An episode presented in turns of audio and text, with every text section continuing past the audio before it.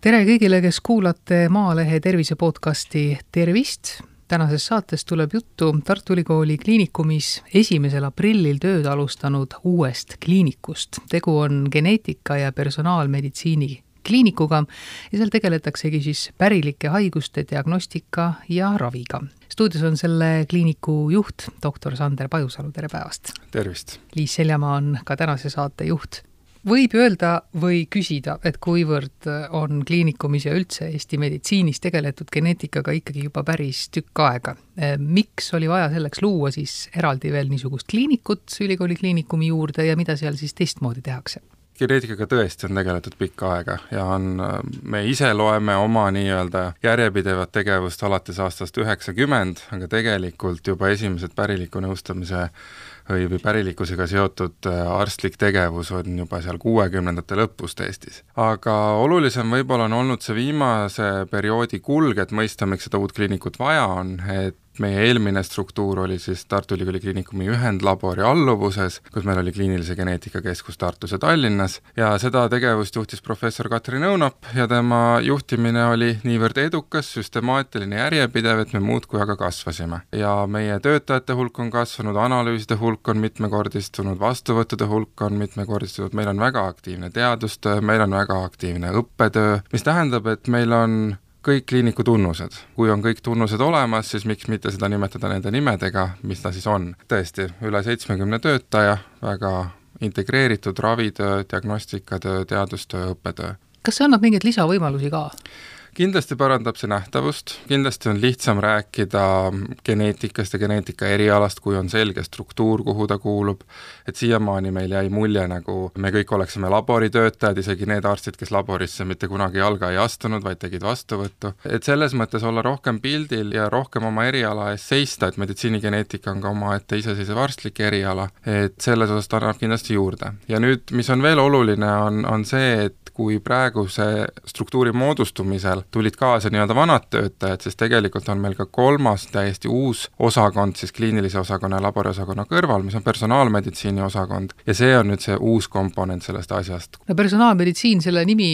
viitab sellele, et seal tegeletakse kuidagi nagu ühe inimese personaalse nii-öelda küsimusega või tema personaalse tervisega. just, ja, ja, ja selline küsimuse või selline kõla sellel asjal tekitab ka natukene arusaamatusi, need on üldiselt juba selgeks vaieldud, see mõiste on Eestis kasutusse jäänud, et inglise keeles on ju see personalized medicine, nagu personaliseeritud meditsiin. et ma võib-olla seda nagu mõistet avaksin hoopis teisest vaatenurgast, et kui klassikaline geneetika, kliiniline geneetika tegeleb üsna haruldaste haigustega pigem, kus me otsime siis ühe geeni põhjuseid arenguhäiretele, ka pärilikele vähkidele, muud sellist, siis personaalmeditsiini idee on tuua geneetika või DNA informatsioon iga inimeseni et see ei ole mitte ainult haruldaste haiguste valdkond, vaid tõesti iga inimene võiks saada sealt kasu, et ta tunneks, et tema DNA info aitab tema tervist edendada või, või paremaks muuta. ja selle all siis mõeldaksegi näiteks äh, ravimite, dooside täpsustamist vastavalt geenivariantidele, et mõnele inimesele on vaja natuke suuremaid doose, teisele väiksemaid doose, siin on mingid spetsiifsed haigusriskid, mis meil kõigil on olemas, aga mõnel on natuke kõrgemad, teisel natukene vähemad. et selliste teenuste nii-öelda kliinilisse kasutusse toomine on siis selle personaalmeditsiini idee ja võib-olla veel üks komponent, mis on ka uues kliinikus kindlasti fookusvaldkonnaks, on onkogeneetika, millega juba ka tegeletakse, aga üha rohkem tahame tegeleda, sest vähk võib olla pärilik, aga enamasti ta ei ole päriliku eelsoodumusega, vähemalt suure eelsoodumusega, aga vähk on väga sage haigus ja alati põhjustatud mõnest geenimutatsioonist, mis on elu jooksul tekkinud. et kui me nüüd seda infot ka üha rohkem kasutame onkoloogiliste haiguste ravis, siis me loodame, et sellest võidavad kõik ja väga suured hulgad inimestest ma olen isiklikult ka pöördunud äh, ülikooli kliinikumi geneetikute poole just äh, sellel samal viimati nimetatud põhjusel, et välja selgitada, kas äkki minu perekonnas esinevad kasvajalисed haigused on äh, kuidagimoodi pärilikud. Õnneks ma sain vastuse, et midagi sellist minu geenides ei leitud, et see on endiselt üks niisugune väljund või asi, millega tegeletakse, aga et, et siis lisaks siis inimene saab veel informatsiooni, mis tema enda kehas toimub. just, aga need teenused, need ei pruugi, see on natuke, kuna ma ütlen, et see kõik on uus ja välja väljatöötamisel, siis need, see info ei pruugi jõuda inimesteni läbi meditsiinigeneetiku, et kõik nad ei tule kindlasti meie kliinikust läbi, vaid see on rohkem ka seda, et kuidas vahendada geeniinfot teistele eriarstidele ja perearstidele, et nemad suudaksid oma ravi paremini juhtida ja sellest kasulikku informatsiooni saada. loomulikult patsiendid tahavad oma andmeid saada korralikult nõustatult, see on ka kindlasti meie prioriteet, aga noh, oletame, et kui, kui määrataksegi mingit spetsiifilist asja, et kui palju ravimit määrata või mitte, siis see on rohkem informatsioon sellele arstile, kes seda ravimit välja kirjutab, et tema selle järgi paremini juhiks, et selle jaoks ei pea tulema meie kliinikusse seda testi tegema, vaid me üritame selle organiseerida ikkagi tunduvalt sujuvamalt, et mitte patsienti jooksutada kui kaugel selline meditsiin nii-öelda tavalisest haigest on, ehk äh, mulle meenuvad need jutud juba sellest ajast, kui hakati geenidoonoritelt äh, koguma siis materjali, no see on juba mitukümmend aastat tagasi, olgem ausad, eks ole, juba siis räägiti, kõik juba siis olid väga rõõmsad, et oh, varsti saame me palju personaalsemalt äh, oma tervise eest hoolitseda ja nii edasi just, tõsi ta on. Ja inimeste ootused on olnud väga suured ja väga pikka aega ja, ja mis ma tahan lihtsalt öelda, on see, et Geenivaram on meie väga hea koostööpartner, meie fookus ongi just see, et tuua see nüüd kliinilisse meditsiini, see teadmine. Ja näiteks need farmakogeneetilised testid, ehk siis ravimite täpsemat määramist võimaldavad testid, just doose nii-öelda täpsemini paika panevad informatsiooni oma, omavad testid, on tegelikult meil mingil määral juba kasutuses, et need on olemas, näiteks kui on vajadus, siis meil on teatud testid, mis sobivad näiteks psühhiaatrilistele ravimitele, antidepressantidele, et millist eelistada, millistes doosides ja nii edasi. loomulikult peab siin olema psühhiaatrite, antud juhul siis psühhiaatrite või, või teiste neid ravimeid välja kirjutavate arstide enda nägemus ja kogemus peab tulema taha, et sellest tegevusest on tõesti kasu meie asi on rohkem siin võimaldada ja muidugi ka harida ja teha need testid nii-öelda kliiniliselt kättesaadavaks, aga kasutusvaldkonna peavad leidma enda jaoks ka teised eriarstid ja patsiendid, et nad tõesti saavad aru, et sellest on kasu. ja mis on veel üks väga suur nüanss, millest tavaliselt, millega tavainimesi ei koormata, aga on see, et igasugune kliinilises töös kasutavate uuringute ja testide selline kvaliteedinõuete tagamine, verifitseerimine, valideerimine, sertifitseerimine, see on ka väga suur osa, et need uued testid jõuaksid sellisesse seisu, et neid saaks tõesti kliinilises meditsiinis kasutada. kui me võtame nüüd meditsiini arengu sellel sajandil, et äh, mis puudutab seda geneetika osa, et äh, kui kiire või kui plahvatuslik see areng on nüüd olnud? tõesti, nüüd ma lähen tagasi natuke sinna, sinna klassikalisema kliinilise geneetika poole. ehk siis, kus meil on haiged, kellel on sümptomid, probleemid ja mille põhjused arvatakse, et need on geneetilised, ehk siis tavaliselt me räägime nii-öelda ühe geeni haigustest, et me, me otsime muutust ühest geenis või, või kahte muutust ühest geenis, mille alusel siis tõesti diagnoosida pärilik haigus et nende haiguste koha pealt veel kümme aastat tagasi või noh, nüüd ma pean juba ütlema natukene rohkem kui kümme aastat tagasi, oli seis selline, et me saime vaadata ainult üksikuid markereid, üksikuid geene, tõesti, arst pidi tegema tohutult tööd, et välja selgitada, mis võiks olla kõige tõenäolisem geneetiline vaste kliinilisele pildile, ütleme niipidi. see tõi kaasa sellise nähtuse, mida kirjanduses nimetatakse diagnostiliseks odusseiaks ehk siis me järjest mõtlesime välja, äkki on muutus selles geenis, tellisime testi tihti kuskilt välislaborist, ootasime mitu-mitu kuud vastust, saime negatiivne, mõtlesime välja järgmise geeni, jälle mitu-mitu kuud ja nii ta läks inimeste diagnoosideni jõuti aastate, kümnete aastatega, on ka veel pikemaid drastilisi näiteid. aga nüüd kümme aastat tagasi said võimalikuks sellised asjad nagu ülegenoomsed uuringud, kus me tõesti saame juba suurt hulka geeni või pärilikkusainet uurida ühemomentselt ja korraga ja see jõudis Eestis ka väga kiiresti kliinilisse kasutusse, et noh, ma toon näite kõige laiemast sellisest kliinilise geneetika tänapäeval kasutatavast uuringust kliinilises meditsiinis, eksoomi sekveneerimisest, mis lihtsustatult tähendab kõikide kahekümne tuhande geeni paralleelset uurimist, et see tegelikult maailma teaduslaborites esimest korda tehti kaks tuhat üheksa ja kaks tuhat neliteist oli sellel juba Eesti Haigekassa rahastus. et see tehnoloogia progress oli ja, ja ka see, kui kiiresti selle tervishoiusüsteem üles korjas, oli ikkagi päris meeletu. et nüüd me samal tehnoloogial tehnoloogial, mis on siis see järgmise põlvkonna sekveneerimise tehnoloogia, kasutame, teeme ka hulganisti erinevaid paneele diagnostikaks ja nii, meil on juba tuhandeid analüüse aastas, mida me teeme selle tehnoloogia kasutamisega, mis, mis alles kümme aastat tagasi tundus ikkagi, et see on kauge laborimaailm kuskil suurtes teaduslaborites. et selles mõttes see areng on olnud plahvatuslik just diagnostika poole pealt, see on toonud ka kaasa selle, et on üha rohkem pärilikke haiguseid kirjeldatud või ütleme siis nende geneetilisi põhjuseid. ja see jätkub iga päev, iga nädal vähemalt tuleb jälle mõni uus äh, artikkel, mis ütleb, et selle ja selle haiguse geneetiline põhjus on,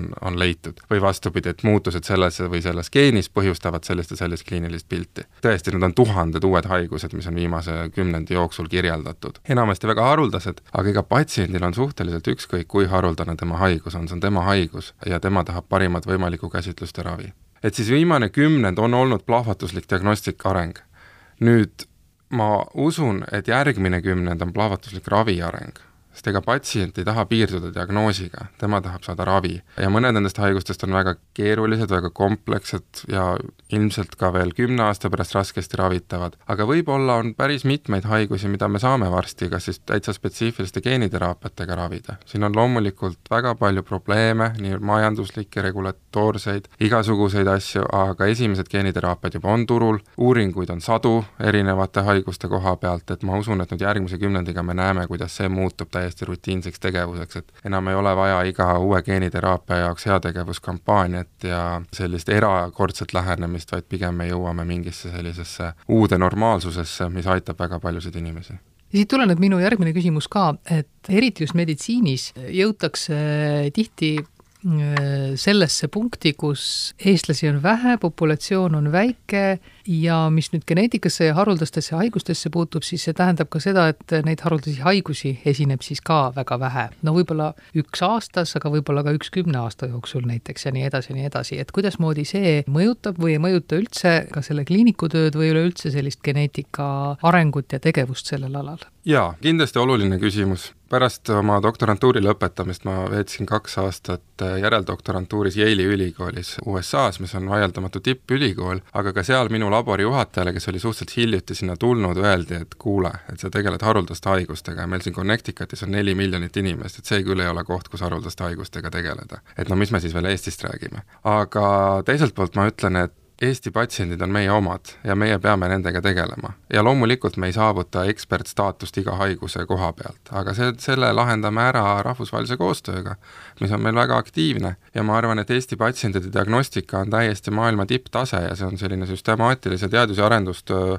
tulemus, mida on professor Katrin Õunap siin viimase kümne aasta jooksul juhtinud ja, ja see on, on tõesti märkimisväärne, meil on ka praegu rahvusvahelisi uuringuid mitmeid, mis on käigus ja, ja mis tegelevad kas siis spetsiifiliste haigustega või, või just lahenduseta patsientidega, et leida neile kas siis uusi haiguseid või, või uute tehnoloogiatega siis muutused üles ka teada-tuntud geenidest. mõnes mõttes ma võin öelda, et ükskõik kui suur maa on liiga väike, et haruldaste haigustega tegeleda, et siin lihtsalt, kuhu me selle piiri tõmbame ja meie jaoks on tähtsam see, et Eesti patsiendid saaksid abi. ja parimat abi, mis maailmas on võimalik ja seda me saame ka korraldada ja ma loodan, et selles uues struktuuris võib-olla on see isegi natuke lihtsam, et, et, et teadvustada meie eriala selliseid erikäsitlusi ja, ja erivajadusi on üks aspekt küll, kus isegi Eesti haruldaste haiguste kontekstis on unikaalne ja miks me rahvusvahelist huvi kohati leiame või tajume, et meie väiksus tagab see, et me üldiselt teame, kui palju meil erihaigustega patsiente on riigis ja me oleme selles üsna kindlad, et me leiame nad kõik üles, äh, vähemalt hetkestandardite järgi.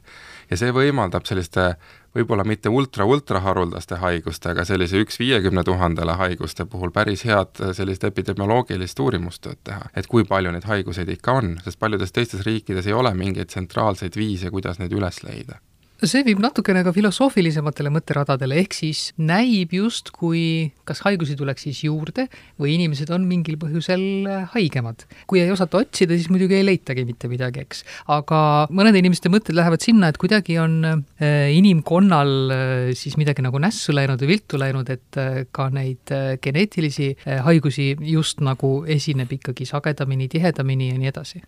ma loodan, et ma ei eksi, aga ma arvan, et ei ole küll ühtegi uuringut, mis seda väidaks. et meil oleks praegu pärilikke haigusi rohkem kui kunagi varem. et küsimus on diagnostikas, et kui palju me neid üles leiame. mis siin salata, olid ju ajad, kui raskete arenguhäiretega lapsed peideti kuskile ära ja kui ja, nad surid või surid ära ruttu, jah, seda ka loomulikult. aga, aga isegi kui nad elasid, nad elasid vaikselt kuskil isoleeritud kohas ja nad ei olnud pildis, mis on kindlasti väga traagiline ja, ja palju õigem on, on tuua need asjad nii-öelda normaalsusesse, mis nad peavadki olema. ja noh, näiteks võib-olla üks kõige sagedasemaid pärilikke haigusi, mida kõik inimesed teavad, noh mitte isegi pärilikke haigusi, vaid ütleme, kromosoomi haigusi, sest tavaliselt ta perekonnas ei pärandu, on Downi sündroom, ütleme, ja Downi sündroomiga patsiente on ju täna palju vähem, kui neid oli ennem või sünnib palju vähem, et see on lihtsalt sünnieelse diagnostikatöö. et neid saab mingil määral ennetada, et, et nüüd need kõik uued, isegi mitteinvasiivsed emaveres tehtavad loote DNA analüüsid ja kõik muud. et selles mõttes seda, et pärilikke haigusi üldhulgana tuleks juurde, ma pigem ei usu, küll muutuvad geneetilisteks mõned haigused, millest me varem nii ei osanud mõelda. Need haigused on olemas, aga tegelikult äh, nende geneetilised põhjused alles avastatakse tulles nüüd kliiniku töö juurde tagasi, siis võib-olla paari sõnaga rääkida kliinilise geneetika ja laboratoorse geneetika osakondade tööst? uues kliinikus siis on kolm osakonda, kliinilise geneetika osakond, laboratoorse geneetika osakond ja personaalmeditsiini osakond. Nendest kaks esimest siis tõesti on moodustatud praeguste töötajate baasil, muidugi me ka siin juba, juba esimesed uued töölepingud on sõlmitud kliinilise geneetika osakond tegeleb siis patsientide vastuvõtuga. meil on Haigekassa leping ja Haigekassa tellimus, et kui palju me aastas saame vastu patsiente võtta ja, ja selle raames me toimetame nii Tallinnas kui Tartus ja tegeleme siis erinevate pärilike ja geneetiliste probleemidega, alates tõesti laste arenguhäiretest kuni päriliku vähini või, või, või muude probleemideni. on ka täiesti tervete inimeste nõustamist pärilikkuse aspektist ja ütleme, mingite perekondlike riskide väljaselgitamist ja inimestel on palju küsimusi, mis vajavad sellist eriarsti lähenemist ja informatsiooni informatsiooni. laboratoorse geneetika osakond nüüd tegelebki siis geneetiliste haiguste laboratoorsete testidega, et meil on molekulaardiagnostika, mis tegeleb siis DNA uurimisega selle järjestuse tasemel, ehk siis kitsamas mõistes geenihaiguste diagnostikaga. Siis on tsütogeneetika labor, mis vaatab kromosoome nii mikroskoobi all kui uuemate selliste kiibitehnoloogiatega, meil on ainevahetusosakond äh, või labor, äh, mis tegeleb muuhulgas ka vastsündinute sõeluuringutega, aga lisaks siis selliste keha ainevahetuse vaheühendite määramise ja profileerimisega, no siin aminohapped, orgaanilised happed. ja siis on, on ka laboriüksus veel Tallinnas, mis on rohkem tegelenudki ütleme, tsütogeneetiliste analüüsidega, aga elame-näeme, kuhu, kuhu ka me seal laieneme kas kõik see, mis äh, Eesti patsientide puhul vajab analüüsimist, saab tehtud meie enda laborites või tuleb ikkagi midagi saata veel mujale ka? Jaa, midagi tuleb, aga see on tunduvalt vähenenud, et üha rohkem me saame kõik koha peal teha. on mõned väga spetsiifilised geneetilised haigused, mille diagnostika on nii keeruline, et neid ongi ainult väga üksikud laborid maailmas. ja tõesti, isegi suurtes riikides ei pruugi olla ühtegi laborit, kes seda konkreetset haigust diagnoosib. Need on tehnilised nüansid, miks nad nii on, aga ütleme, et sellised põhianalüüsid, mis on igal pool kasutusel ja ma mõtlen tõesti neid, näiteks neid järgmise põlvkonna sekveneerimisanalüüse, neid me teeme, teeme üha rohkem ja üha rohkem me, tähendab, me vastame neid kõiki ise, meil on veel natukene minna sinna, et kõik laborikatsed oleks meie oma majas tehtud, aga, aga see on meie selle aasta eesmärk ja plaan. ja ütleme, me tahame väga palju suurendada ka tõesti seda kasvajakoe geneetilisi uuringuid, et see, see vajab ka sellist suuremahulist aparatuuri ja võimekust, aga seda me kõike tagame, et see on ka nüüd üks see uue kliiniku mõte, et selle, selle tegevuse võimestamine ja, ja teatavate lisainvesteeringute tegemine, et see kogu tegevus viia uuele tasemele kvalitatiivselt kas on välja kujunenud juba ka see, kuidas patsiendid nagu jaotuvad, et kas peamiselt tulevad inimesed ise, neil on mingi küsimus, või siis noh, ütleme, kui tegemist on näiteks siis äh, väikelaste vastsündinutega, et siis arstid suunavad äh, oma patsiente ja nende uurimistee juurde või on veel mingisugune osa? Protsentuaalselt, kuidas see töö tegemine nagu jaguneb? Et see kliinilise geneetika osakond on selline patsientide vastuvõtt äh, nagu iga teine eriarsti vastuvõtt, et sinna meil on vaja ikkagi kellegi saatekirja, et pöörduda, et eriarsti abi, saatekirja võib anda perearst, saatekirja võib anda mm, eriarst et meil on nüüd üks selline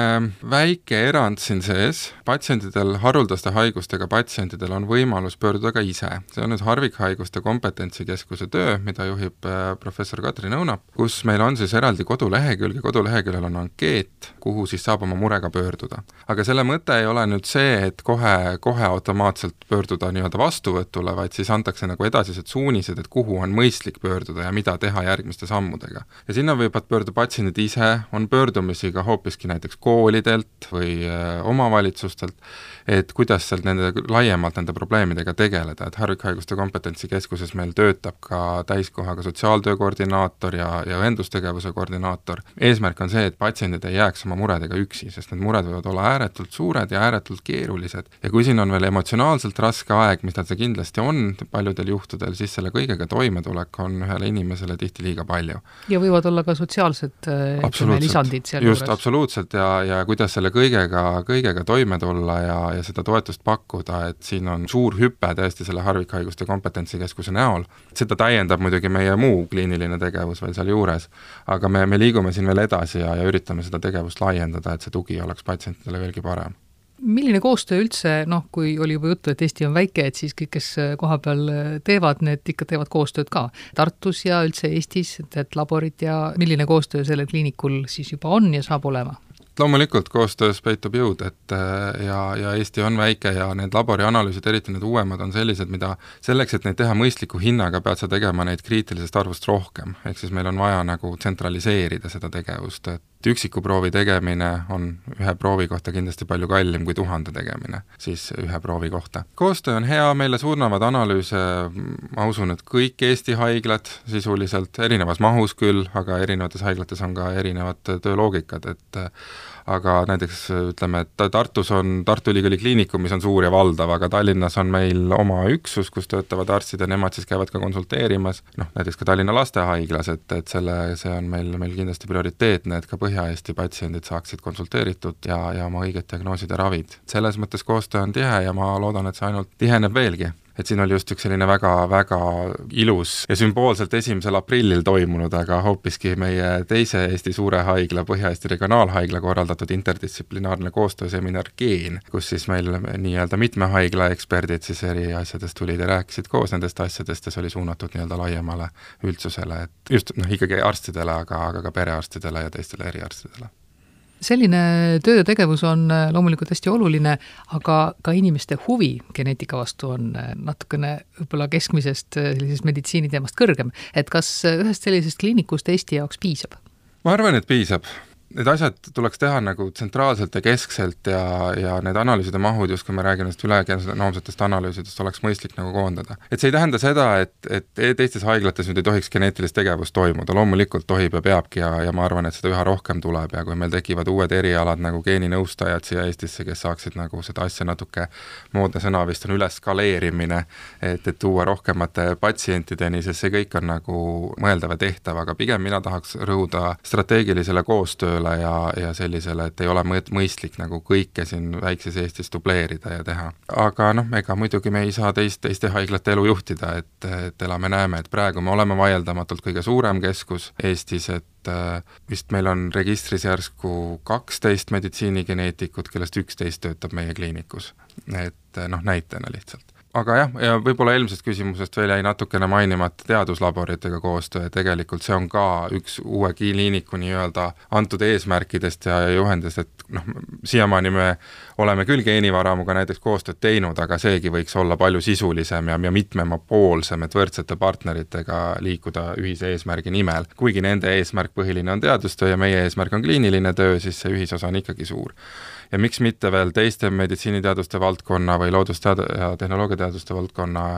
laborite ja töörühmadega ja arvutiteaduste instituudiga kindlasti, meil on ju tohutud suured andmekogud, äh, nii-öelda big data selle asja põhimõttes, et kindlasti siin on väga palju koostööpunkte, millega me tegeleme jääb siis üle ainult soovida jõudu, et äh, tuleviku meditsiini ja inimeste parema tervise nimel saaksime me kõik äh, pingutada ja et see areng äh, läheks ikka edasi tõusvas joones inimeste ravimise mõttes. aitäh, doktor Pajusalu ja jõudu tööle teie ametis! suur tänu!